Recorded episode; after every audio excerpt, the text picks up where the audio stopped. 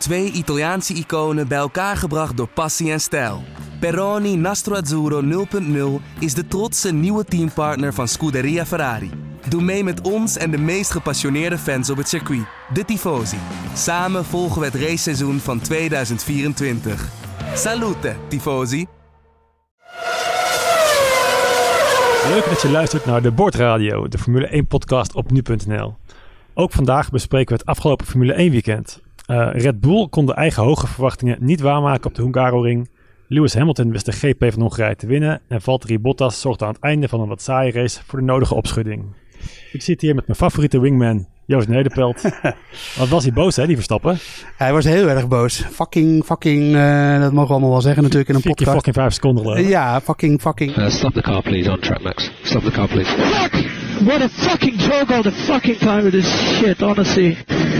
Ah. En de frustratie was natuurlijk wel, uh, wel terecht uh, bij Verstappen. Want uh, eigenlijk was het een tweeledige frustratie. Hè? Eigenlijk het enige was, het enige was dat, hij, dat ze niet mee konden komen met, met Red Bull en, en Mercedes. Al had de verregende kwalificatie daar wel wat mee te maken. En het andere was natuurlijk dat er weer een uh, motorprobleem was bij, bij Renault.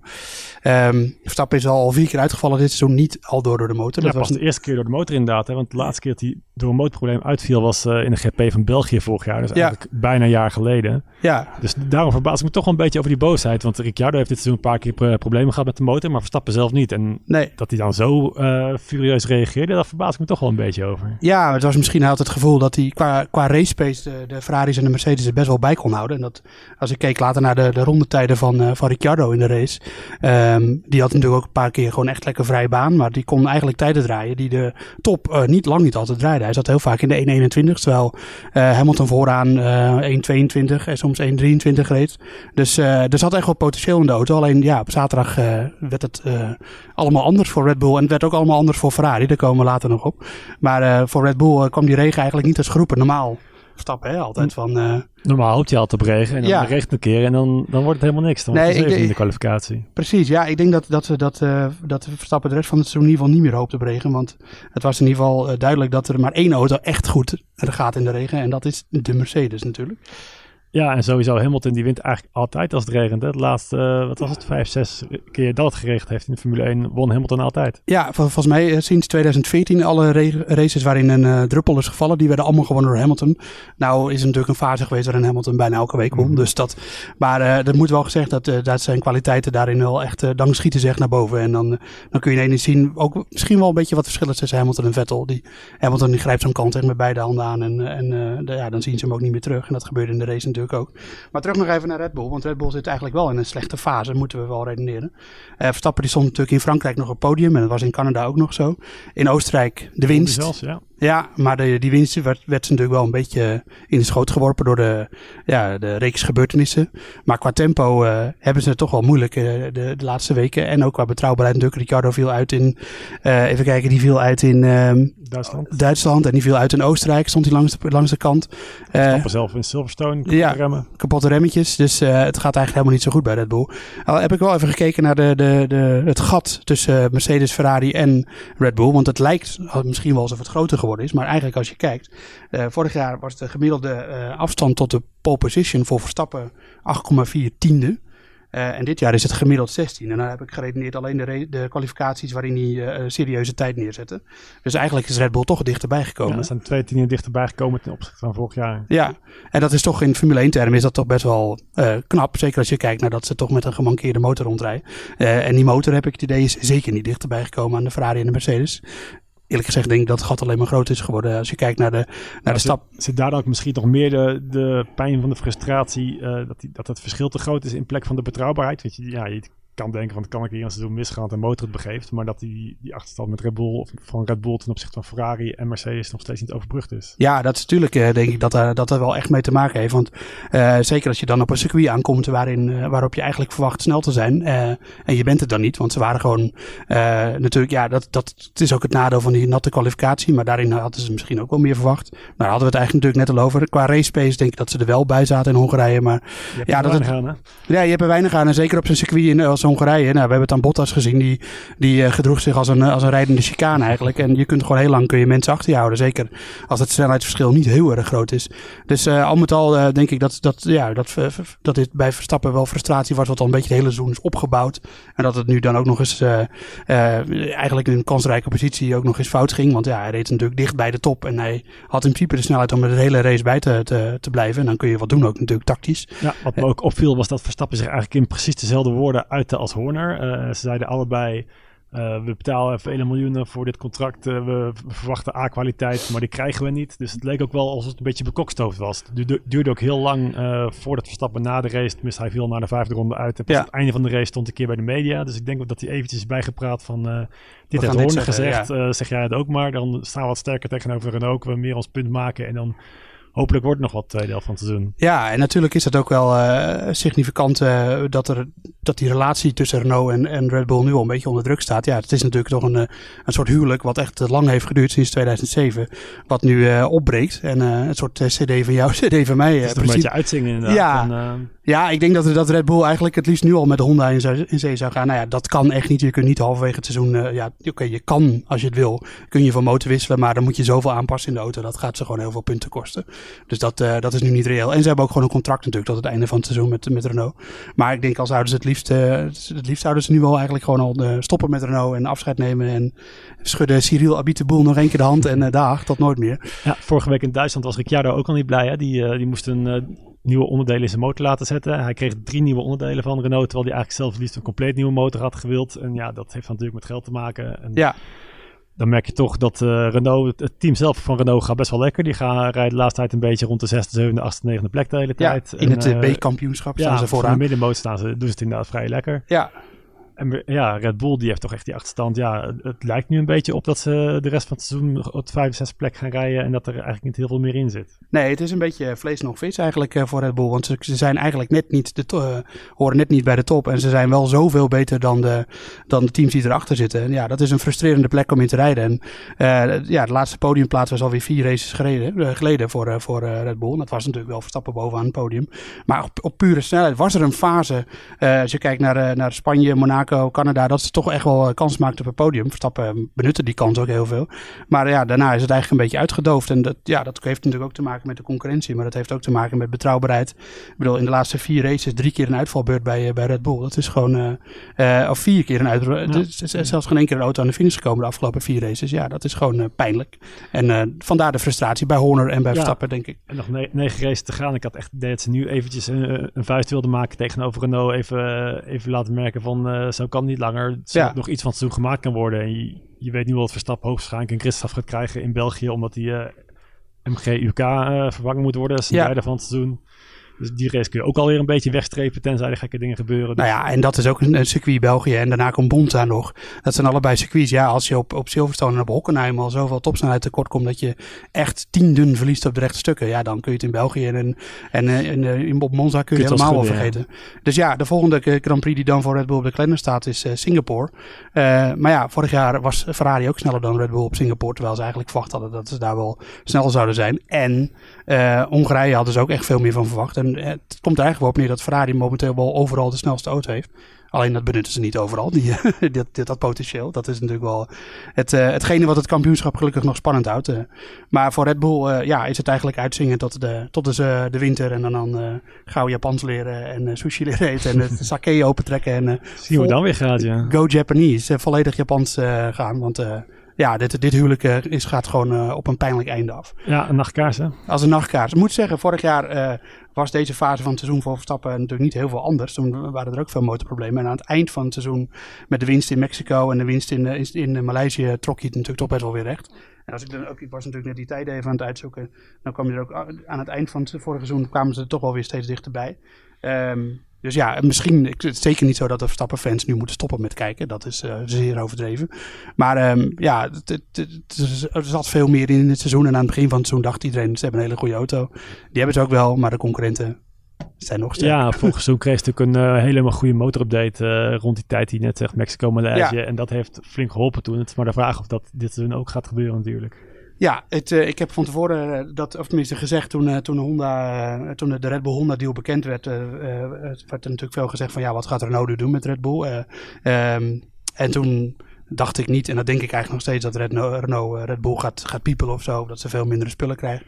Want eigenlijk dat probleem met die onderdelen wat Ricciardo had, dat was vorig jaar ook al zo. Toen had Renault ook al te weinig reserveonderdelen. Ja, dat geloof ik ook niet. Ze zullen piepelen of zo. Maar het is misschien dat je net 10% minder hard werkt, omdat je weet van de nou, eindseizoen gaan we toch uit elkaar hebben, niks met elkaar te maken. Dus nee. dat je misschien net die paar procentjes minder levert dan je anders wel zou doen. En dat kan natuurlijk net het verschil maken tussen, tussen een paar tienden in een race. Ja, het is sowieso denk ik al zo dat alle uh, motoren die bij Renault worden gemaakt, die staan op de testbank. En de, de, de motoren die het allerbeste draaien, die gaan natuurlijk naar het fabrieksteam.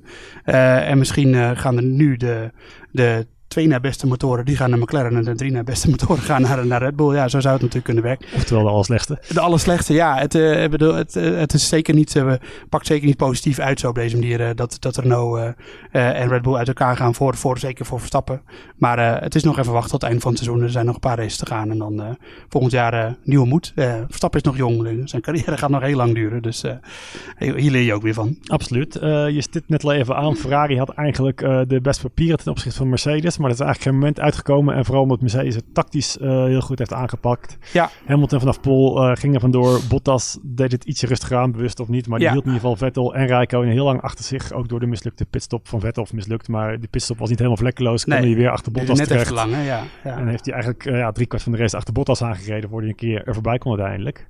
Ja, het was, het was um, voor, de, voor de neutrale kijker uh, jammer dat, uh, dat Vettel de tweede keer, of tenminste na die pitstop, dat hij achter Bottas terecht kwam. Dat, dat, had, dat leuker geweest als er een mooi duel was geweest tussen Hamilton en, en Vettel. Had ik het idee dat Hamilton ook wel met enig, nou, dus zonder al te veel moeite de Vettel achter zich had gehouden. Dus Vettel um, ging eigenlijk al in een moeilijke positie de race in natuurlijk met die vierde startplek. Ja, dat komt natuurlijk vooral door de kwalificatie op zaterdag. Want in een droge kwalificatie ben ik ervan overtuigd dat Ferrari de pole position had gepakt. Uh, maar ja, dat liep allemaal anders. En ik moet zeggen, voor Hamilton, uh, de afgelopen races, Oostenrijk was natuurlijk een dieptepuntje voor hem dat hij uitviel. En toen eerst werd de, de zegen hem ontnomen door een tactische blunder van Mercedes. En daarna stopte ze Mercedes er zelf nog mee. Maar als ik daarna ga kijken, dan was het in Groot-Brittannië. Toen overkwam hem natuurlijk ook wat dat hij in de eerste ronde aangetikt werd door Rijkonen. Maar daarna met de safety car met het nodige fortuin en hele snelle rondetijden, laat ik dat vooral benadrukken, uh, pakte hij even goed nog een podium. In Duitsland op zaterdag weer uh, een probleem in de kwalificatie, start als veertiende. Uh, en het rolde allemaal. Gewoon. Ja, wint gewoon. Ook dankzij hele snelle rondetijden en echt goede race. Maar ook een, safety car.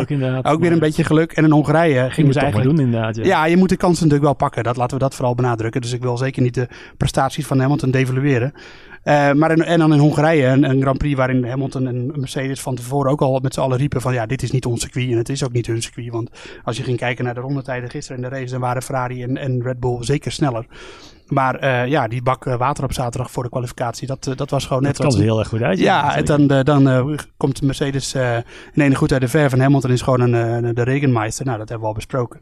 en daardoor kan hij pole pakken en wint hij de race. Ja, dat zijn wel, kunnen wel bepalende momenten in het seizoen zijn. En, en bepalende momenten ook richting de vijfde wereldtitel van Lewis Hamilton. Dus hij heeft zeker niet slecht geboerd de afgelopen week. Nee, 24 punten is het gat nu met Vettel, de voorsprong van Hamilton. En ja, dat lijkt wel een marge waardoor die hij kan zich in ieder geval foutje permitteren, zeg maar, na de, na de zomerbreak. Ja, ja, het is net niet dat hij, als hij uitvalt en Vettel wint, dat hij nog eerst staat. Maar uh, ja, de druk zat er ook nog volop. Want de volgende circuits, België, Italië en Singapore, eigenlijk, ja, kan het hele rijtje wel afgaan. Eigenlijk als er niets verandert qua de verhoudingen, dan heeft Ferrari overal de sterkste auto. En dan zal Hamilton echt alles uit de kast moeten halen om te winnen.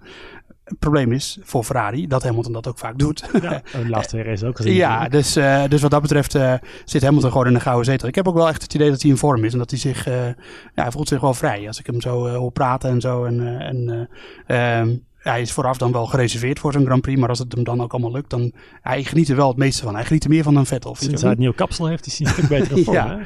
ja, dat nieuwe kapsel, dat, dat kan misschien zomaar twee tienden schelen per ronde. Dat, je weet het nooit. Wie wat minder in vorm was, is, uh, is Valtteri Bottas. Die uh, zakt van de tweede naar de vijfde plek uiteindelijk. En uh, ja, komt zowel met Vettel als met Ricciardo in aanraking. Hij kreeg zelfs even een middelvingertje van Ricciardo die hem inhaalde. Ja. Dus ze waren even niet zo blij met Bottas. En Bottas was dan op zijn beurt weer niet zo blij met Toto Wolff, de, de teambaas van Mercedes. Want die noemde hem de perfecte wingman voor Hamilton. Nou ja, voelde Bottas zich meteen een beetje neergezet als tweede coureur. Dat is hij natuurlijk ook. Dat is hij natuurlijk ook, dat weet Ja. iedereen, behalve Bottas zelf. Ja, dat lijkt hij zich niet helemaal te beseffen. Ja, nee, dat, eh, het was wel een pijnlijk momentje voor Bottas. Hij was ook echt een beetje eh, aangeslagen dat hij dat hoorde. Dat- Ja, het was, normaal is hij altijd heel cool en eh, ja, heel saai eigenlijk. En nu reageerde hij voor het eerst een beetje fel eigenlijk. Ja, dat het hem pijn deed, het woord wingman. Ehm, ja, en het, we, we hadden het er hiervoor al even over inderdaad dat eh Niki Lauda zou iets gewoon onomwonden zeggen. Want die zegt meestal gewoon wat hij denkt. Maar Toto Wolff die denkt dit waarschijnlijk ook. Nou, wat hij zegt. maar, en die denkt normaal heel goed na, maar nu even niet. Dus eh, ja, het was een pijnlijk momentje voor Bottas. Maar ja, het is, hij moet misschien ook eens in de spiegel kijken. En, en zien dat, dat Hamilton dit seizoen al vijf races heeft gewonnen en hij nog geen één. En eh, we hadden het net over dat Hamilton af en toe de wind een beetje mee heeft. Maar Bottas heeft de wind ook best wel een paar keer tegen gehad. Maar dan nog, dat is Dat geen is reden. 5-0 nog steeds wel. Ja, dat is een pittige score. En, en Bottas moet echt eh, ook een beetje PR-technisch eh, gaan nadenken. Want wat hij gisteren deed, de hele race, eh, eigenlijk verpesten voor Ferrari. Ja, dat, dat, voor ve- veel fans levert hem dat in ieder geval geen, geen credits op. Zo eerlijk moet het ook weer zijn. Het was denk ik voor, voor veel mensen die, de race, die op een spannende race hadden gehoopt, wel lekker dat Ferrari er uiteindelijk nog langskwam. Want ja, het was wel een beetje een zeer defensieve strategie natuurlijk van Mercedes op deze manier. Ik geef ze geen ongelijk. Hij is natuurlijk het recht toe inderdaad. Ja. Ferrari had andersom waarschijnlijk precies hetzelfde Ja, gedaan ja, natuurlijk. zeker. Dus zo, eh, zo is het dan ook alweer. Ja, Ja, en eh, ja, het was wel twee keer eigenlijk dat Bottas wel de fout in ging. Hè? De, de eerste keer maar gaf Vettel hem wel heel erg ruimte natuurlijk, Ja. maar die was er al lang en breed voorbij. En de tweede keer, of het nou komt dat die vleugel afgebroken is, dat hij wat moeilijker kon sturen en remmen. Dat, dat, dat geloof ik eigenlijk niet zo. Volgens mij, eh, Nee, er zat ook een beetje frustratie bij dat hij zo laat in de hang. Ja, en ook al was dat zo, dat hij, eh, hij had waarschijnlijk wel wat minder downforce, waardoor het remmen wat minder ging. Maar ja, dat weet hij zelf ook. Hij wist zelf al lang al dat zijn voorvleugel beschadigd was. Dus hij wist ook dat hij niet zo laat kon remmen. dat Ricciardo er toch wel voorbij zou gaan. Ja, daarom. Dus het was echt een rijdersfout. En met, ja, het incident met Vettel, eh, en, en eh, dat werd natuurlijk nog onderzocht. En ik las ook de, of ik luisterde nog even terug naar het, eh, het verslag op Sky. Martin Brundle die zei daar van ja, Vettel heeft hem niet gezien. Maar ik weet niet of dat nou helemaal het geval was. Ik had meer het idee van wat was er voor Bottas nog te halen daar aan de binnenbocht. Ja. Het is niet zo dat hij Vettel nog bij kon, eh, dat hij hem nog ertussen kon steken of zo. Vettel die gooide wel resoluut de deur dicht. Ja, maar hij moest ook wel, want eh, hij was er eindelijk langs na zoveel ronden. Wat me wel opviel trouwens bij dat momentje, en ik, ik weet niet zeker, ik kan, dan- zou je in de data van de teams moeten kijken, maar ik had wel het idee dat, dat eh, Bottas die raakte Vettel aan aan de zijkant. Vettel ging natuurlijk een beetje om bij toen en ging niet meteen op het gas. En Rijkonen had ik het idee, die komt toen gewoon Vettel voorbij. Maar het leek wel even, de onboardgeleider leek het wel even alsof hij even van het gas ging. Dat hij dacht van, Dit is ook niet de bedoeling. Dit is niet de eh, bedoeling, over Vettel moet nu wel voor. Dus ehm, ja, dat, je zou echt in de data moeten kijken of dat zo is hoor. Nee, maar ik- ik- het leek het wel te horen dat, dat Rijkonen even inhield. En ja, dat geeft de verhoudingen. De, het gisteren was natuurlijk duidelijk wat de verhoudingen bij Mercedes zijn. Maar het geeft de verhoudingen bij Ferrari natuurlijk ook wel weer. Dat het de bedoeling is dat Vettel de meeste punten haalt. En, en Ja, bij Ferrari is het voor mij 4-0 hè, voor eh, Vettel tegen Ja. Rijkonen als het om eh, GP-zegens gaat dit seizoen. Ja, Rijkonen heeft sowieso sinds hij eh, terug is gekeerd bij Ferrari in 2014 nog geen race gewonnen. Dus hij mag niet eh, zeggen dat hij eh, een claim doet op de, op de eerste rijderspositie. daar, eh, daar, moet hij toch wel beter presteren in de kwalificatie en in de races. Ehm, en ik ben nog steeds benieuwd of het, eh, of het Rijkonen's laatste seizoen zal zijn. Dat brengt ons meteen ook bij de, bij de rijderscarousel. Want er, eh, het is ook nog steeds niet eh, beklonken met, met eh, Ricciardo natuurlijk. We hebben hem al even genoemd. Maar Mhm.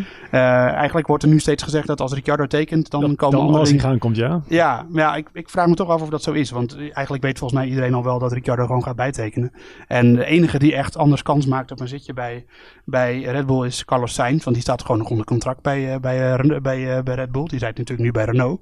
Ehm, als Sainz weggaat bij Renault, waar het sowieso wel op lijkt dat het gaat gebeuren, dan komt waarschijnlijk Ocon daar te rijden. Wat opvallend is, want Ocon staat eigenlijk bij Mercedes onder contract. Maar Mercedes kan, hem nu natuurlijk geen plekje bieden de komende twee jaar. Dus eh, als Ocon eh, echt zich losweekt van Mercedes, zou dat wel opvallend zijn. Want die rijdt al heel lang voor, eh, voor het team van Mercedes. Ehm, eh, dan komt Ocon dus met Hulkenberg bij, bij, bij Renault. Nou, die hebben dan echt een sterke rijdersopstelling, denk ik. Die hebben ze nu eigenlijk ook al, En want als Sainz. Misschien nog naar McLaren kunnen samen met Ja. Alonso is het verhaal. Ja, ja, dat zou dan zijn om Alonso tevreden te houden dat er dan een Spaanse coureur naast hem komt. Er werd trouwens ook al gezegd dat Van misschien nog voor de Grand Prix van België gedropt wordt hè, bij Mercedes. Ja, Dat is ook weer van die geruchten die dan nu eh, in de silly season eh, naar voren komen. dat zou wel heel pijnlijk zijn voor... eh, voor eh, ja, McLaren heeft hem natuurlijk de kans gegeven van Doornen vorig jaar. Eh, en eigenlijk ook al een keer eerder één race. Maar, eh, Maar bij McLaren in de, in de kwalificatie staat 12-0 voor Alonso. Ja. In de races is het eh, bijna hetzelfde geloof ik. als je debuterende coureur bent en, de, en eh, eh, Van Doornen kwam echt met goede papieren de, de, de klasse binnen eigenlijk. Eh, Hij was GP2-kampioen met, eh, met overmacht. Eh, en dan word je teamgenoot van Alonso. En dan wordt het in ene toch allemaal heel erg anders. En dan eh, moet jij heel erg wennen. Kijk, dat is het voordeel van een Leclerc natuurlijk bij Sauber Alfa Romeo. Die, die rijdt naast Ericsson. Nou, Ericsson is, eh, behoort niet tot de snelste coureurs van de grid. Dan drukken we ons denk ik heel voorzichtig uit. Ehm, en daar kun je, is het natuurlijk iets makkelijker om eh, te shinen naast Ericsson dan naast Alonso. Laten Ja. we dat- En anderzijds had eh Van Doorn gisteren ook in de punten gereden als de auto niet Nee. voor het einde bege- begeven had. Ja, ja, dat klopt. McLaren had een hele goede strategie. Die ging heel lang door. En die, eh, ja, die kwamen daarna, daardoor eigenlijk wel voor een hoop eh, concurrenten terecht. Dus een mooie dubbel, dubbele puntenfinish van de McLaren was leuk voor ze geweest. McLaren waar sowieso ook nog een beetje een opvallend momentje, of, momentje op donderdag mee was. Met het aankondigen van een technisch directeur die gewoon bij Toro Rosso nog onder contract staat. James Key. Eh, ja, en Toro Rosso en Red Bull, Helmut Marko is natuurlijk ook de baas van Toro Rosso. Die zei ook van ja, hij heeft gewoon een contract tot 2020. Dus ik weet niet waar hem, Niks. ik weet niet waar McLaren iedereen heen mee vandaan. Nou, ik, kijk, onderliggend gaat het natuurlijk op zo'n manier dat, dat eh, McLaren maakt dan eh, kenbaar dat ze een key willen hebben. Eh, Red, of eh, Red Bull in dit geval, want hij is, eigenlijk staat hij natuurlijk onder contract bij Red Bull. James Key stond, eh, die, die, ze stribbelen nog even tegen bij, eh, bij Red Bull. En dan is dit een tactische zet van McLaren om, eh, om een, gewoon een, eh, eh, een eh, persbericht de deur uit te doen. En dan moet er waarschijnlijk nog wat geld bij. En dan gaat hij alsnog, want ja, hij, eh, James Key is natuurlijk nu, die wil zelf ook graag naar McLaren, dat is wel duidelijk. En die is natuurlijk nu ook uh, unhappy bij, uh, bij Toro Rosso. Ja, het gaat sowieso wel rondkomen natuurlijk. De vraag is even wanneer. Ja. Wat ook nog de vraag is, maar dan is meer de vraag of, is of Force India volgend jaar nog bestaat. Want die, die hebben opeens heel weinig geld en die hebben zelfs de, de hulp van de familie Stroll nodig, lijkt het nu. Ja, het, het is een heel erg tactisch steekspel, steekspelletje wat daarom gebeurd is. En het, de sleutel lag opvallend genoeg bij Sergio Perez, de coureur. Um, want, die zijn eigen team voor de rechter moest slepen. Ja, ja dat, was, dat werd hem ook gevraagd door mensen binnen het team om dat te doen. Want anders dan was het team gewoon op de fles gegaan eigenlijk. En dan uh, we hadden, nou, hoeveel mensen werken er? 400, 300, 400 ja, mensen. Ja, hadden ze misschien afgelopen weekend niet eens kunnen racen, was nee. het verhaal nog, hè? Nee, dat, dat, dat, dat is gewoon dat, een, een Formule 1 team, een redelijk succesvol Formule 1 team ook, wat zomaar te zielen gaat. Dat zou heel erg zonde zijn. We hebben het natuurlijk uh, twee jaar terug ook bijna gezien met, uh, of drie jaar terug is dat inmiddels met, uh, met Lotus. dat toen overgenomen werd door Renault. En toen was Lotus ook in, in Japan en toen mochten ze niet in de hospitality, want er waren rekeningen niet betaald. Het is altijd pijnlijk als een groot, ja, een best wel groot team wat gewoon races wint en in, in de problemen komt. Nou, Force India natuurlijk geen races geworden, maar wel echt... Dit jaar ook nog podium, hè? Ja, podium, podiumplaatsen gehaald en vierde in de constructeurstitel. Gewoon echt een team om rekening mee te houden. Maar ja, ze zitten natuurlijk wel in de problemen, want ze hebben eigenaren die mogen Groot-Brittannië niet uit. Of ze mogen in ieder geval hun eigen vaderland India niet in, want dan worden ze gearresteerd. En ze hebben belastingmisdaden gepleegd. Tenminste, daar worden ze van verdacht. Um, en uh, nu is het geld op. Ja, dat zat er toch een keer aan te komen. En dan is het de vraag. Uh, nu is het dus, uh, zijn ze onder curatele gesteld. En dan gaat de, de, de, de ja, de autoriteiten die ze onder de curatele hebben gesteld, die gaan dan een koper voor ze zoeken. Nou, wat ik hoor, is al een beetje gevonden. Dat is, is al een beetje gevonden. deze miljardairsfamilie uh, Stroll, Stroll die toevallig ja, ook nog een zoontje redelijk aan autorijden. Dat is wel de meest primaire kandidaat naar in de, uh, officieel, want Mercedes bemoeit zich er ook mee, want Mercedes is natuurlijk uh, ja, schuldenaar. Schuldeiser. schuldeiser. die, die, want er is ook niet betaald voor de motoren, blijkt. Um, en die zeggen dat er meerdere partijen zijn om, uh, die, in de, in, de running zijn om, uh, om een team over te nemen. Maar de familie Stroll is wel een grote uh, kanshebber. voor, voor de mensen die dat niet weten, Lance Stroll's vader is, is echt miljardair. Die is heel rijk geworden in de kledingindustrie. Pierre Cardin, volgens mij, is een merk van, van vader Stroll. Ik ken het merk zelf niet zo goed, maar in ieder geval daar is hij heel rijk mee geworden. Maar de familie Stroll is overigens niet de enige kanshebber op voorziening. Er zijn meer kapers op de kust. Zo werd onder andere ook de familie van Nicolas Latifi genoemd, de Formule 2-coureur. Die niet heel veel prestaties heeft geleverd. Maar die dienstvader schijnt nog rijker te zijn dan de vader van Lance Stroll. Uh, en dat soort, uh, ja, dat zijn wel de, de grootste kandidaten. Zoons uh, van vaders die heel erg rijk zijn en die zelf racen. Geld is de eerste vereiste om nu iets met ja. India te gaan doen. Ja. ja, je moet iemand hebben met hele diepe zakken om Force India over te nemen. Want ja, dat zit toch best wel een rekening achter. zeker als er nog allemaal rekeningen openstaan ook. En de, de vorige keer dat dat dus gebeurde was Lotus die Renault over, of andersom Renault dat Lotus overnam. En Renault is natuurlijk een grote autofabrikant, dus die kan dat soort rekeningen wel betalen. En je hebt toch minimaal wel een miljardair nodig om het nu uh, recht te trekken bij Force India. Dus uh, we zien wel, uh, waarschijnlijk in België heet het een Force Canada. dat zou zomaar kunnen. En dan hadden we nog als afsluiter Mick Schumacher, de Formule 3 coureur. Die won de derde race, als ik me niet vergis, van de Formule 3 Euro Series op, op eh, Spa-Francorchamps, de zoon van. De zoon van natuurlijk, ja. Ja, eh, moet zeggen, het was zijn eerste Formule 3 race. Het is in zijn tweede seizoen. Eh, hij rijdt bij het topteam van Prema, waarin hij ook grote concurrenten heeft. WK, of, ja, EK-leider Armstrong is, is onder meer een grote concurrent van hem. En die wint toch wel vaker dan Mick Schumacher zelf. Maar ik moet zeggen, de race werd op een half natte baan verreden. En hij reed eigenlijk in zijn vaders stijl reed hij zo naar de winst toe. Dus Zou Toch- zijn vader het weten, is dan ook een vraag. Ja. Zou die al zover bij zijn dat hij er iets van meekrijgt? ik zou er serieus geld voor over hebben om nou een keer te weten hoe het met Schumacher is. Ik denk dat we het nooit gaan weten. Maar eh, het is, eh, ja, het is, als hij dood zou zijn, zouden we het wel weten. Ik heb er in januari heb ik er nog een uitgebreid artikel over geschreven. Met, met allerlei ins en outs van hersenchirurg en alles. Maar ehm, ja, het is een groot vraagteken. In ieder geval hartstikke leuk voor Mick Schumacher dat hij, dat hij een keer een race won. En hopelijk kan hij er nog wel. Ja, het zou toch hartstikke leuk zijn als Mick ook uiteindelijk de Formule 1 haalt. Ja, hoe oud is hij nu precies? Want het, echte talent van zijn vader, dat heeft hij niet. Maar Nee. misschien dat hij alsnog... Nou, hij is twee jaar jonger dan, dan Max Verstappen, want hij is van 99. Dus dan zal hij nu 18 zijn. eh. dus hij zit op zich, eh, ligt hij op schema. Alleen de resultaten liggen nog niet helemaal op schema. Dus, eh, maar we hebben eerder in het verleden gezien coureurs die in de lagere klasse niet heel veel wonnen. En die dan in de, in de hoogste klasse wel de winst konden pakken vaak. Dus het, alles is nog mogelijk. En het zou heel erg leuk zijn in ieder geval om de naam Schumacher weer in de Formule 1 te zien. Maar dat gaat nog allemaal wel even duren. Ehm, nou, dan zijn we nu aan het einde van de podcast. ja, Eh, bedankt voor het luisteren en we zijn weer terug eh, eind augustus met de Grand Prix van België. Eh mocht u in de tijd nog lezersvragen hebben, dan kunt u die altijd sturen naar redactie.nu.nl of u kunt op nu jij stellen. En dan zien we u weer na de Grand Prix van België. ja, graag inderdaad. Tot over vier weken de Grand Prix van België. Lekker dicht bij de deur. En Joost, bedankt. Je was weer een hele goede wingman vandaag. Wingman, wingman, ik ben de eerste coureur. nou, daar knokken we nog wel over. Daar hebben we nog wel.